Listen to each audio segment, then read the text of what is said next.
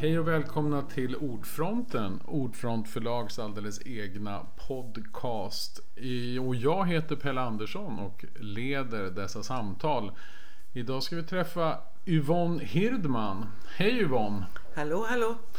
Du har precis kommit ut med boken Från de stora drömmarnas tid. Anteckningar om fattigdom, kärlek och bildningshunger. Det här handlar om din farmor och farfar.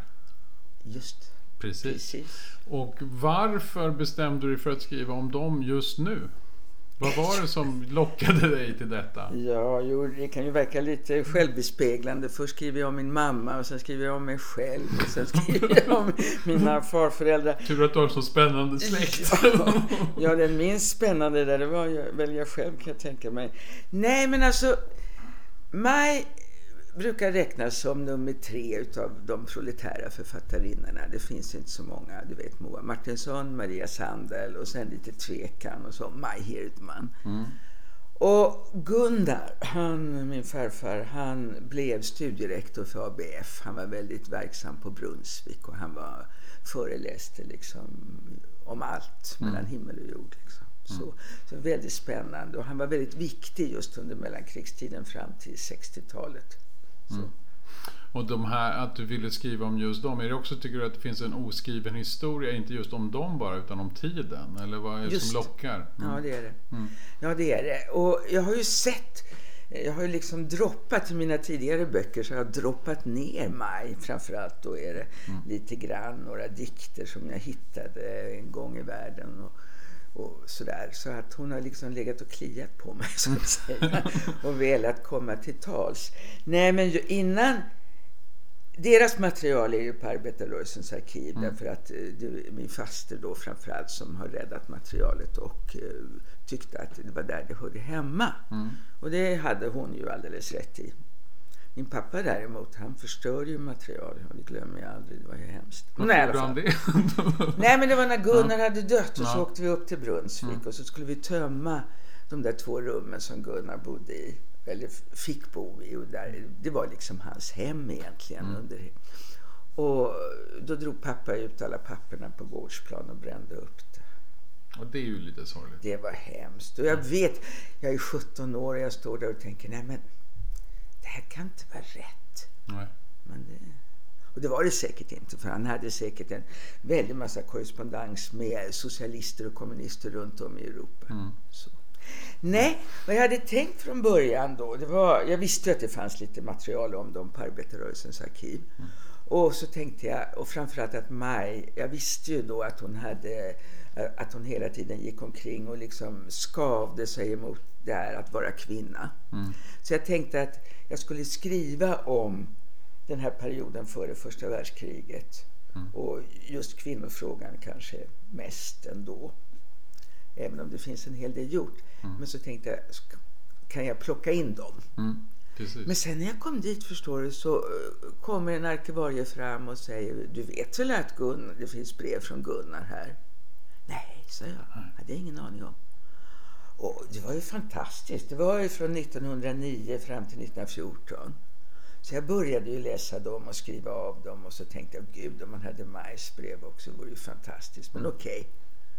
Och så kom hon med Majs brev. Och de var ännu fler. Så då hade jag plötsligt en brevsamling från 1909 till 1914. Och det här är ju inte första gången jag skriver då, utifrån ett brevmaterial. Min mest heroiska uppgift, eller som jag har gjort här i livet, var ju att sitta på, också på Arbetarrörelsens arkiv och gå igenom Alva och Gunnar Myrdals brevväxling. 36 kartonger. nu var det lite mindre här. Jag skulle tro att det kan ha rört sig om 5-10. Mm. Ja. Kartonger alltså? Ja, de är inte ja. så tjocka men ändå liksom. Med brev i sådär. Och de har jag skrivit av i sin helhet. Och, de, alltså, och den här tiden och de här människorna, vad är det som liksom lockar dig? Är det, är, det, är det just tiden eller är det att det är din släkt? Vad är det som lockar dig in i det här? Jag ska väl vara ärlig och säga bägge delarna. Men det är klart att den här tiden. Det är ju det som titeln äh, hänvisar till. Och som jag alltid har tänkt liksom. Innan för första världskriget. Då var allting möjligt. Det var de stora drömmarnas tid. Ännu var inte jorden skövlad. Ännu var inte krigen hade inte de Precis. skett. Nej. Ännu finns det inga atombomber. Ännu finns det en dröm om fred på jorden. Så att, eh, jag blir så avundsjuk på den tiden. Det fanns ett jag- hopp, liksom. Ett enormt hopp. Mm. Ett enormt hopp. Och även om människorna de facto, vilket ju liksom det här med fattigdomen, hade ett elände Mm. liksom med långa arbetsdagar, li- liten lön, kvinnornas situation var ju usel liksom. Mm. Och så, så, så fanns ju hoppet där. För du beskriver ju ändå en tid som var eländes elände. De hade det inte lätt, Nej. liksom Maj och Gunnar. Nej, det finns ju vittnesmål om att han sitter där och, och han har fått låna från hyresvärden för att kunna betala hyran, vilket ju är makabert. Eh, och han kan inte gå ut för skorna är inte sulade. Och, och Maj skriver att nu har hon köpt sig en mössa och nu har hon bara 10 öre kvar att leva på. Hur ska det gå? Och så där. Så att, nog är de fattiga alltså. Riktigt rejält fattiga. Och, och ändå så lyckas, vad, vad kommer då deras drömmar ifrån? Att de ändå liksom lyckas skriva, läsa, studera. Att de ju har det här i sig. Ja, ja, de har liksom en lidelse Mm. i sig. Och det tror jag beror på att de ska, de ska därifrån. De längtar därifrån. Ja, de vill ifrån den här miljön. Mm. Och jag tror inte att vi förstår hur jävligt, rent ut sagt, det var. När jag läste en bok som de också läser, nämligen Martin Kochs Arbetare. Så den är inte klok. Läs den. Ja, jag har inte gjort det faktiskt. Och, och då förstår man liksom här i pittoreska Gamla stan till exempel så är det en huvudperson som går en vandring för att leta reda på någon familj. Och det är en beskrivning utav ett sånt elände, ett sånt snusk. En luft som är så dålig, de vågar inte vädra hemma för då blir det iskallt. De har inte mat nog att äta. Det. Och också sexualiteten är vidrig. Och det skriver han på ett oförblommerat sätt. Alltså hur pojkarna sitter och skriker könsord och, och så vidare. Det är liksom allt. Och det är det de vill ifrån. Bort därifrån. Och vad är det för man kan göra då? Jo, läsa. Bilda sig. Bli en, Annan. en annan, ja. Och i Majs fall, mer än i Gunnars fall, de läste ju också Nietzsche. liksom, och den här drömmen om att man skulle inte tillhöra oxarna. Mönsteroxarna kallar man de här vanliga släpdjuren för. Arbetarklassen som bara... Ja, utan man skulle liksom bygga sig en brygga upp mot ett högre mänskligt tillstånd som bara några få lyckades erövra över människans. Mm. Det skriver ju Maj om också en gång. Om, hon beskriver hur hon har gått förbi en tiggarpojke och liksom fräst åt honom. Vad sitter du där för och ser så... Och sen går hon hem och skäms. Mm.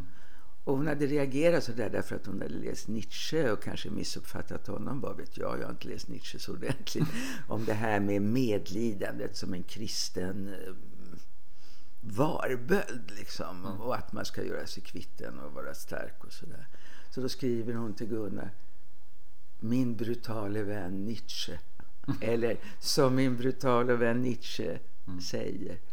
Och det här är så typiskt för att de behandlar de här författarna, de här filosoferna som ett slags nära vänner. Mm. Jag tycker det är så fint. Mm. Och var, var Gunnar lika uppfylld av det här? Ja, oh ja, oh ja kanske mer ändå. Mm. Och han vill ju förmedla också. Mm. Han ville ju vara ljuset som lyste genom skogen för att rädda folket. Han hade ju tagit, eh, han skrev i ungsocial, de var bägge ungsocialister. Det hör till historien faktiskt. Eh, De, hade, de blev det i Avesta, ung- den ungsocialistiska klubben som bildades där 1908. Då måste de ha tillhört de allra första. Och Gunnar han sålde böcker från eh, förlag, tids, eh, förlaget det måste ha varit eh, Brand som hade ett litet förlag också med böcker.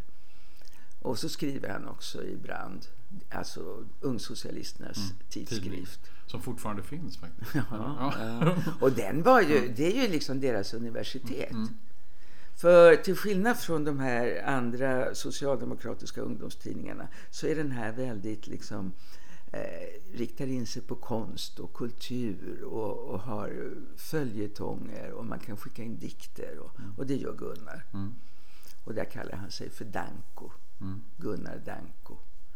Efter Gorkis, eh, en saga från Gorki där det är en Danko som liksom leder det förtappade folket genom den mörka skogen. Mm.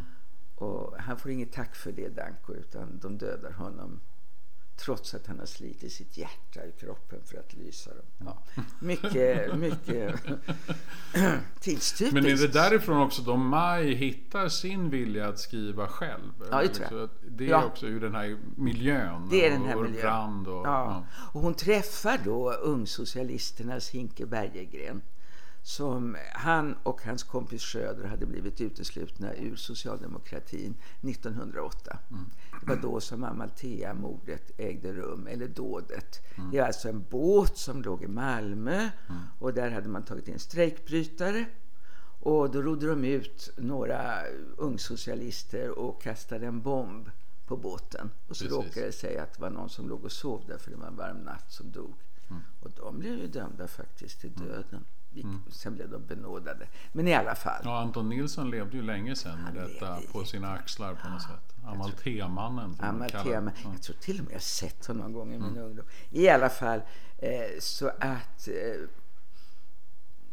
där träffade då Maj Hinke Bergegren och de blev faktiskt riktigt goda vänner. Hinke är en som hon kan anförtro sig till i svåra stunder och Hinke ger henne uppmuntran och så. Var Och det är liksom i ett samarbete nästan? Eller är det mer att han pushar henne att Ja, skriva? han pushar vill- henne och det är det första brevet som vi har då från Maj till Hinke Bergegren där hon skriver så fint om att, och att han vill att hon ska skriva en, en, en roman om arbetarkvinnor. Och hon skriver, nu ska vi se om jag hittar det här. Eh, Nej, det struntar jag i det förresten. Nej, men hon skriver då att ja, men det tror jag nog att jag kan. Jag vet nog hur de har det. Jag vet hur de har det. Nu gäller det bara formen om jag lyckas med det. Men redan där, vet du Pelle, där har hon sin självtillit, sitt självförtroende. Det är ju otroligt tycker Och man. det är märkligt. Hon tycker att hon kan. Och du, tycker båda att hon tycker har det här att- i sig, Precis, liksom. och att de kan skriva. Alltså jag menar det är någonting som man tänker att man inte kanske tänker att man kan. När man kommer från den här miljön. Men man har läst så mycket redan så man har en viss bildning, man har ett språk. Måste hon ju ha haft. Ja visst, förstår du. Det finns en liten sån här svart vaxduksbok som ligger där på Arbetarrörelsens arkiv. Det är det allra första. Det är då från 1905, alltså när hon är tonåring. När hon, när hon tjänar piga ute på gårdarna i Dalarna och Västmanland. Så har de med sig den här boken.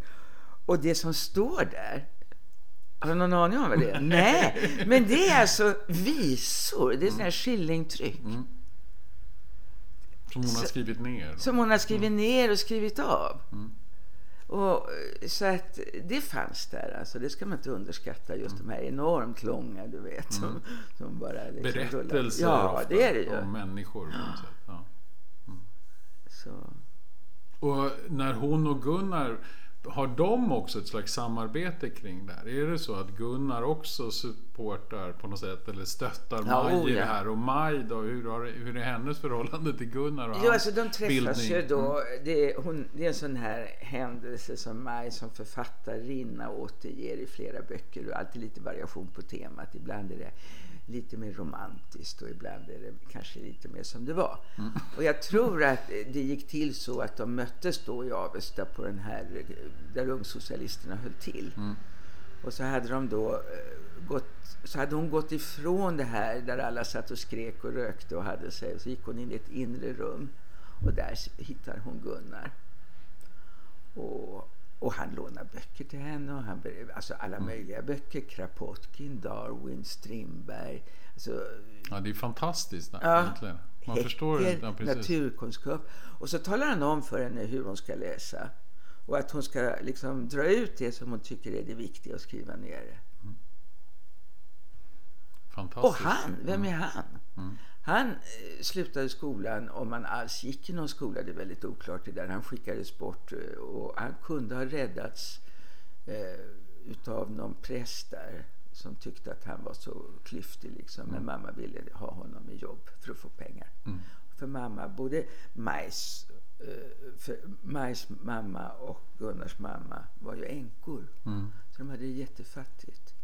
Så, Så barnen Gunnar- var tvungna att få Ja, inkomst ja, tidigt. eller inte ligga föräldrarna till last överhuvudtaget. Så Gunnar börjar sitt eh, eländes liv då vid 13 års ålder, alltså på allvar. Inte för att han hade så kul innan heller, men ändå. Och istället för att bli smed, han vill inte bli smed. Han vill inte, bli, han vill inte göra karriär så att säga inom... eh, eh, En slags arbetarkarriär. Nej. Nej. utan de ska inte få hela honom. Nej. De ska bara få hans kropp. Hans själ tänker han behålla för sig själv. Så det så. Och alltså gör han bara sådana här mera mekaniska arbeten. Och hela den här bildningen som de ändå skaffar sig och allt det här de är ute efter att bli de här andra. Det gör de liksom själva. Ja, men tänk, ja precis. Tänk dig själv liksom. Du står där i någon eh, smedja i Gunnars fall. Eh, eller som Maj, som piga. Och sen då när du har tid, några timmar innan du somnar, så läser du. Ja, det är helt Efter fascinerande. Man kan inte se det och du vet efter sig. storstrejken Mm. så blev arbetarna bestraffade. De hade ju, då, hade man ju, då, då gick de före storstrejken efter tio timmar. För det tyckte de att det var det rimliga. Mm. Men efter storstrejken fick de jobba 12 timmar. På en del ställen. 12? Ja, 12 timmar. Och sen ändå hinna läsa och Ja. bilda sig och skriva och sen sova. Och Sen när Gunnar kommer till Stockholm eh, och jobbar här på Bolinders verkstäder och sånt där. Och där är han ju väldigt bohemisk. Liksom. Han kollar i tidningar om det finns något jobb och ibland så struntar han i jobbet och så sitter han på ett café och läser. Liksom. Och så bor han inackorderad. Och så lever han på kaffe och smörgås. Han dog mycket riktigt i magcancer också faktiskt. Och hur mycket av den här historien är liksom berättad tycker du? Den här ungsocialisthistorien. Det känns ju som att väldigt mycket av det vi läser är alltid socialdemokratin som har skrivit historien på något sätt. Så är det ju. Ja. Så är det ju faktiskt. Den finns lite här och var. Eh, men den finns inte sammanhållen. Nej. Och jag har hämtat väldigt mycket från... Ja, det, jo, det finns eh, Emma Hillborn som har skrivit sin avhandling om, om eh, tidskriften Brand. Mm. Men, och den är jättefin, och den har jag använt. Men sen är det en krönika utav en som heter Fernström. Mm. Säkert eh, ungsocialist eller syndikalist som de blev sen. Och där har han ju skrivit, alltså krönikor förstår du Pelle. Det är grejer, det är inga teorier, det är inga tjusiga historier. Det är liksom, men det är en krönika som talar om att där och då bildades det en klubb. Den och den satt i styrelsen. De och de grejerna talade man om. Här var det förskingring och där var det förskingring. Det var ofta väldigt mycket förskingringar Ja. faktiskt. Mm. Berodde det på att de var fattiga också? Jag tror Ja, det. så de har- Och så fick de hand om den här kassan och så var det frestelsen och så tänkte de att lägga tillbaka de här eh, kronorna och så. Ja. Och hur lång tid tog det innan de då kom loss kan man säga ur det här fattigdomen? Kom de, fick, alltså när började de sen skriva och få andra typer av inkomster även från det? Eller kunde liksom känna sig mer fria? Ja, alltså, Är det efter att det är ju en boken lång... nästan tar slut? Nej, Nej, nej. Alltså, det är ju, samtidigt så finns det ju människor som liksom av god vilja, man kan kalla dem för liberala socialingenjörer, som försöker liksom att ta hand om de här Lyfta dem? lyfta liksom. dem ur träsket liksom och smutsen och sånt där. Va? Och så visar det sig liksom att både Maj och Gunnar de, de kände ju då Nathanael Beskow, han som var gift med Elsa Beskow. Han startade Birkagården här uppe och där var Gunnar jätteofta. Det var 1912. Eh, sen har vi då eh, Sigtuna-stiftelsen? Ja, vad heter? Manfred, eh, Manfred Björk- Björkqvist som var präst. Och, och som Maj hade lärt känna när hon hade kommit. eh, Hon fick ett tillfälligt stipendium att komma till en folkhögskola, Hampstead. Just det. Och den chansen fick hon därför att hon hade kommit i kontakt med en, en präst som hade läst Brand och tyckte att den här Maj var spännande och skriver ett brev till henne. Alltså, så att det är så intrikat liksom. Och den här, vad, vad, vad var kyrkan ute efter här då? Tror du att de ville omvan, omvandla Alltså, kyrkan- dem till kristna, Ja, oh, goda ja, oh, ja, det är klart de människor? gjorde. Därför att det som var utmärkande för ungsocialisterna, det var ett, den parlamentariska vägen var inte deras. Nej. Utan man skulle, det är generalstrejken. Man ska lamslå samhället och sen ska man ta över produktionsmedlen mm. så att säga. Revolution direkt på något sätt. Ja, ja, ja. ja. Det finns en underbar historia om just i Göteborg, eh, den ungsocialistiska klubben där, där en, en utav dem föreslår att man ska övergå till en diet av bara havre. Och äter man bara havre så kommer man liksom hela det ekonomiska systemet att kollapsa. ja, ja, man vet ju inte hur mycket... Havrerevolutionen. Ja, just det. Mm. Eh, så att, vad var vi? Jo men de här, alltså vilka var det som hjälpte dem? Och du, så, vi pratade ju om prästerna ja, just det, just det, just och bildningen. Ja, just det. Fick, du har alltså revolutionen, mm. du har liksom Hinke Bergegren som kunde driva med de här parlamentarikerna och säga mm. att ja men ett litet mord då, då kanske inte skulle vara så illa. det piggar upp som vi säger. Upp. Och så, nej, men lite revolutionsromantiker. Men mm. så var det ju också mot kristen, kristendomen, mot mm. kyrkan. Mm. De var oerhört anti. Alltså det är mm. inte några inlindade fraser där inte utan det är liksom jävla gud. Mm. Rent ut. Mm. Så att just den här sommaren innan storstrejken bryter ut, den, kom, den bröt ut i, den, i augusti, början av augusti 1909. Men i juni, juli så åker unga präster omkring i, i landsbygden för att tala ungsocialisterna till rätta. Okay. Och ett sånt möte har vi nedtecknat i tidskriften Brand. Och inte av vem som helst, utan av mig. Mm. Och det är så bra. Man riktigt ser framför sig hur där sitter ungsocialisten där och där sitter Lutherman, hette han, mm. teologen. Mm. Han kommer att spela en roll i hennes liv, det vet hon inte ännu. Och eh, Ja, det är faktiskt riktigt bra.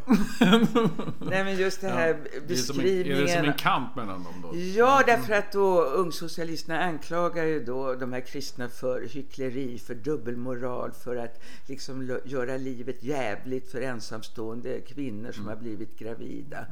Se bara, men däremot så har ni ju Maria. Mm. Hon var ju ogift. Mm. Säger Precis. någon och Lutherman blir skitförbannad.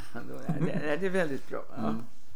Mm. Och det där kunde också då ungsocialister till viss del kanske utnyttja. Att prästerna, kyrkan fanns där så de kunde få lite utbildning eller möjligheter? Eller, nej, tror det, de tror jag, nej, det tror jag inte att de... Nej. Nej, tvärtom. Mm. Alltså för att Maj får ju faktiskt sen mm. eh, möjlighet att gå på folkskollärarinnens seminarium. Det här hade jag ingen aning om alltså. Eh, och det var ju fantastiskt.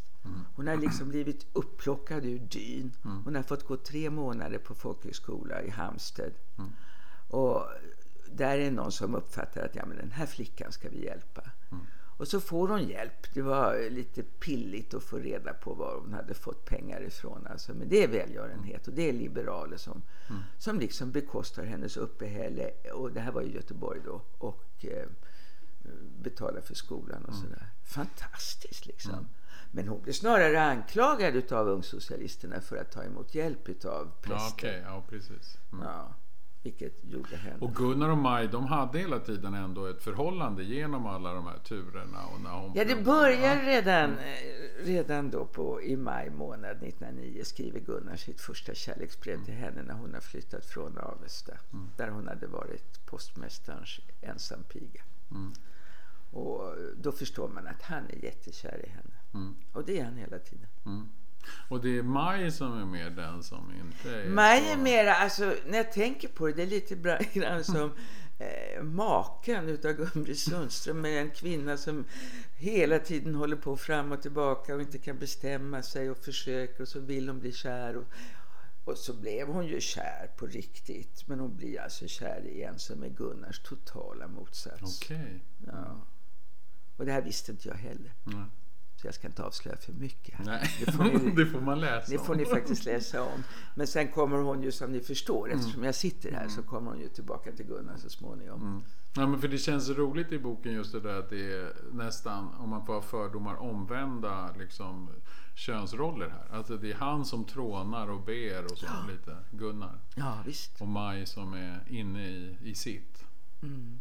Och det här att de är så uppe i det där med bildningen och ut, ja, läsa. Alltså, bär det dem hela tiden? Är det där någonting som de hela tiden har med sig genom hela livet? Kan man ja. säga? Mm. Oh ja. Mm. Oh ja. Gunnar får, alltså, men det är först de flyttade ju då, kriget kommer 1914 mm. och egentligen så där upphör ju då brevväxlingen. Men jag skriver ju fram lite grann, man måste ju veta var de tar vägen. Mm. Då kommer de till Västerås mm. Och eh, först 1918 får Gunnar anställning som studieledare för den nystartade lilla Arosgården i Västerås som var som ett mini Birkagården mm. med föreläsningar och så vidare för arbetare och så. Mm. Då är han 30 år. Mm. Och Arosgården drivs av vilka då? då? Är ja, det, det, drivs, det är arbetarrörelsen. Mm, det är mm. betalt utav Metall och så vidare. Så mm. man har fått så här. Så. Och Maj, ja alltså med, i vår terminologi så är hon utnyttjar ju aldrig sin... Eh, hon blev aldrig folkskollärarinnna för att det hände saker där på våren 1913. Som man också kan läsa om i Som boken. man också kan läsa om i boken. Och där Kata Dahlström är inblandad. I alla fall. Eh, nej, hon, hon födde barn. Mm. 1914 kommer min älskade farbror Arne. En underbar människa i sig. Och sen 1916 ett litet gossebarn som hon kallade för konungen av Rom. hon tar i! hon tar i! Ja, men det var hon gör. Och, och så visade det sig att konungen av Rom, det var min pappa, mm. Einar. Mm. Och sen 1922 så får hon Birgit, min faster. Mm. Så. så att eh, hon är vad man kan kalla för hemmafru. Men det är Men det sista hon, gör. Ja, ja, ja, hon det hon gör. Tiden. Hon börjar skriva på mm. allvar. Efter 1918 börjar hon på mm. allvar skriva. Hon har varit sjuk och mm. det har varit spanskan och elände. Men 1918 så är det så pass så att, och Gunnars inkomster och de har en lägenhet och mm. fint hus i, i, fint hus, de har en lägenhet i ett hus i mm. Västerås. Mm. Och då börjar hon att skriva. Mm. Så att 1920 mm. kommer hennes debut, Anna Holberg. Mm. Så den är, tycker du ändå är, eller hur? Den är en bok du tycker om, eller hur? Ja. ja. Den slutar lite sliskigt, men den, är, den blev översatt till tyska till och med. Mm. Ja, och det handlar om henne. Mm. Och det handlar, hur blev hon mottagen då, som författare? Ja, just den boken. Mm. Ja, men det har jag skrivit mm. om lite grann mm. på slutet. Just den boken. Mm. Jag är lite förvånad över att det var så pass eh, viktiga personer som recenserade den här tunna lilla boken. Mm. Det var Anders Östlin. Så, och det var Selander hette han va? Sten Selander. Ja, precis, han som har skrivit den här ja, du vet. Mm. Vi spelade kula på torget en dag, en liten folkskolegrabb och jag. Det är Sten Selander. Mm. och Sten Selander är ju inte nådig mot henne. Okay. Nej, det är han inte. Mm. Men han hittar ändå någon form, ja. Och sen så att... Eh, Men hon har hela tiden också det där självförtroendet så att hon fortsätter oavsett hur hon blir bemött. Utan hon, eller hur upplever hon att vara författare? Ja, alltså hon fortsätter. Ja. Hon bara fortsätter ja. att skriva. Och Gunnar fortsätter att stötta henne i detta? Det tror jag. Ja. Mm. Det tror jag. Men mm. samtidigt så, det kanske jag vågar säga mm. utan att, för, för, tror jag deras äktenskap var inte särskilt lyckligt. Nej. Nej. Och beror det också, men alltså just att hon kunde skriva fast hon var mamma, det var, det tog hon sig tiden eller var det liksom nu ska jag berätta för, för dig, dig Pelle. Det var en gång, det här hände sig 1983. Det var, fanns någonting som hette Arbetslivscentrum som låg ute på, i Liljanskogen. Mm gamla Allmänna BB faktiskt. Och där var, hade man ett seminarium som handlade om proletärförfattarinnor och arbetande kvinnor. Det var väldigt populärt på 80-talet. Och då var det bland annat liksom hur svårt de hade det och hur jobbigt de hade det och så vidare. Och så var det någon som började att tala om mig. Och då, du tror inte det här om mig. Men jag är en väldigt blyg människa avskyr att prata offentligt i såna här sammanhang. Nu, okay. är, det, nu är det lite bättre. Men då var jag... Och, men så när jag hörde liksom hur Maj blev så där stereotypt beskriven som någon som inte hade ett eget rum och det var synd om kvinnorna och sånt där. Då var jag så illa tvungen att stega upp och säga att Ja, i det här fallet så stämde det inte. För den enda som hade ett eget rum i huset i Västerås, det var Maj. Och min faster Birgit som har skrivit underbara minnen, mm. hon beskriver ju liksom att mamma Maj fick man inte störa på förmiddagarna, vad som än hände. Så där satt hon och knackade i sitt eget rum. Mm. Dessutom så hämtade hon mat från en hushållsskola i närheten. Mm. Så att, och så hade de, upptäckte jag i, i Birgits papper, en piga. Oj. Så pigan mm. skaffade sig en piga. Mm. Så kan det gå. Ja, men det måste ju inneburit också att hon hela tiden trodde på sin egen, ja, sin ja, ja. egen kunskap och så. Ja, ja. ja. Och Gunnar hela tiden pluggade. Han var också då på skolan på Arosgården och liksom studerade, alltså skötte det. Ja, ja. Mm. Ett jättejobb. Mm. Sen åkte han ju runt och föreläste runt om i hela Sverige. Sen åkte han till Ryssland 1921. Så åkte han till USA. Mm. Hon åkte med också faktiskt. Det finns en liten bok om det. Resa till Amerika. Mm. Som kom 26. Och, nej men han var globetrotter. Mm. Alltså så mycket han kunde. Han älskade att resa. Och hur gick det sen då? Även om, även om boken lite stannar av där. Men gick det bra för båda två sen? Om du bara, när vi ska avrunda samtalet. Liksom, hur gick det för dem? Jag, jag skulle säga mm. att deras, i den här boken så är det Maj som mm. dominerar mm. med sin starka röst och med sin vrede och med sin patos och med sin ärelystnad. Hon vill ju bli en kvinnlig Strindberg som hon älskar mm. Strindberg. Och hon är väldigt så här, ah, och hur ska man klara av att vara både, kär, både kärlek och konst? Mm. Och så vidare och så vidare. Men, och Gunnar framstår då som lite så. Men lite det blir ombytta roller. Okay. Det blir ombytta mm. roller. Utan mm. det är han som blir, han blir känd och han mm. blir respektfullt behandlad. Och han är med i massor med olika kommittéer och så vidare. Mm. Så att när han dog 1963 en begravning som pappa inte tyckte att jag behövde vara med på, mm. vilket grämer mig. Mm. Så tror jag att det var en ganska pampig begravning mm. med fanor och så vidare. Mm. Och Maj? Nej, det var privat. Mm. Mm. Och Maj... Hon blev så ensam. Ja. Det är det, det har jag tänkt mycket på. Hon sitter ensam i Västerås. Hon sitter ensam sen när hon flyttar till Stockholm i, på Ålstensgatan 71. Och hon har inte många vänner. Och hon, är, skär, hon är livrädd för sociala sammanhang. Hon blir arg och trotsig. Och hon blir... Ja, hon och hennes hon författarskap inte, som du sa, det är som att hon också där, du sa någonstans här i början av samtalet, det var Maria Sandels och Moa Martinsson och så Maj kom inte riktigt, alltså hon blev den där tredje. Då. Hon blev den tredje och samtidigt är det ju så att hennes böcker handlar inte så mycket om proletärkvinnor förutom mm. Anna Holberg. Förutom i de här novellsamlingarna som kommer på 20-talet. Kämpande liv, kamp. eh, sen har hon lite mer diffusa klasspositioner på mm. sina uh, romanfigurer. Tror du att det är också därför hon åker lite ur historien? Ja, men sen mm. kom hon igen. Va? Hon mm. skriver den här två stycken kollektivromaner. Som, de är bra. Mm. Och det är eh, Kamrater utan fanor om eh, Norbergstrejken eller är det Sundsvallsstrejken? Nej, men det är Norbergstrejken. Det här är ju pinsamt. Man kan inte hålla allt i huvudet. Nej, kan inte. Kamrater utan faner och Uppror i järnbärarland. Just det. Just det. Mm. Och de tycker du vi ska läsa? De tycker ja. det är ganska bra. Mm. Alltså. Ja. Mm.